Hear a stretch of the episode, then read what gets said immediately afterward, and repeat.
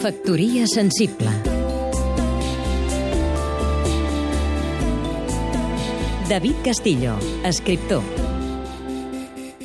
S'acosta Sant Jordi insistint en el tema de les traduccions de les que hem parlat en altres ocasions. Us voldria recomanar avui dos llibres de l'escriptor nord-americà James Salter. Un és una novel·la que es diu Això és tot i un altre és un recull de contes L'última nit, que apareix a un nou segell editorial, l'altre editorial, que ha format la Eugènia Brogi, que era precisament l'editora del llibre anterior de l'editorial Empúries, on ha sortit aquesta novel·la que, com us he dit, es diu Això és tot. Són un, una novel·la breu i un recull de contes que ens explica en detall com és la vida quotidiana,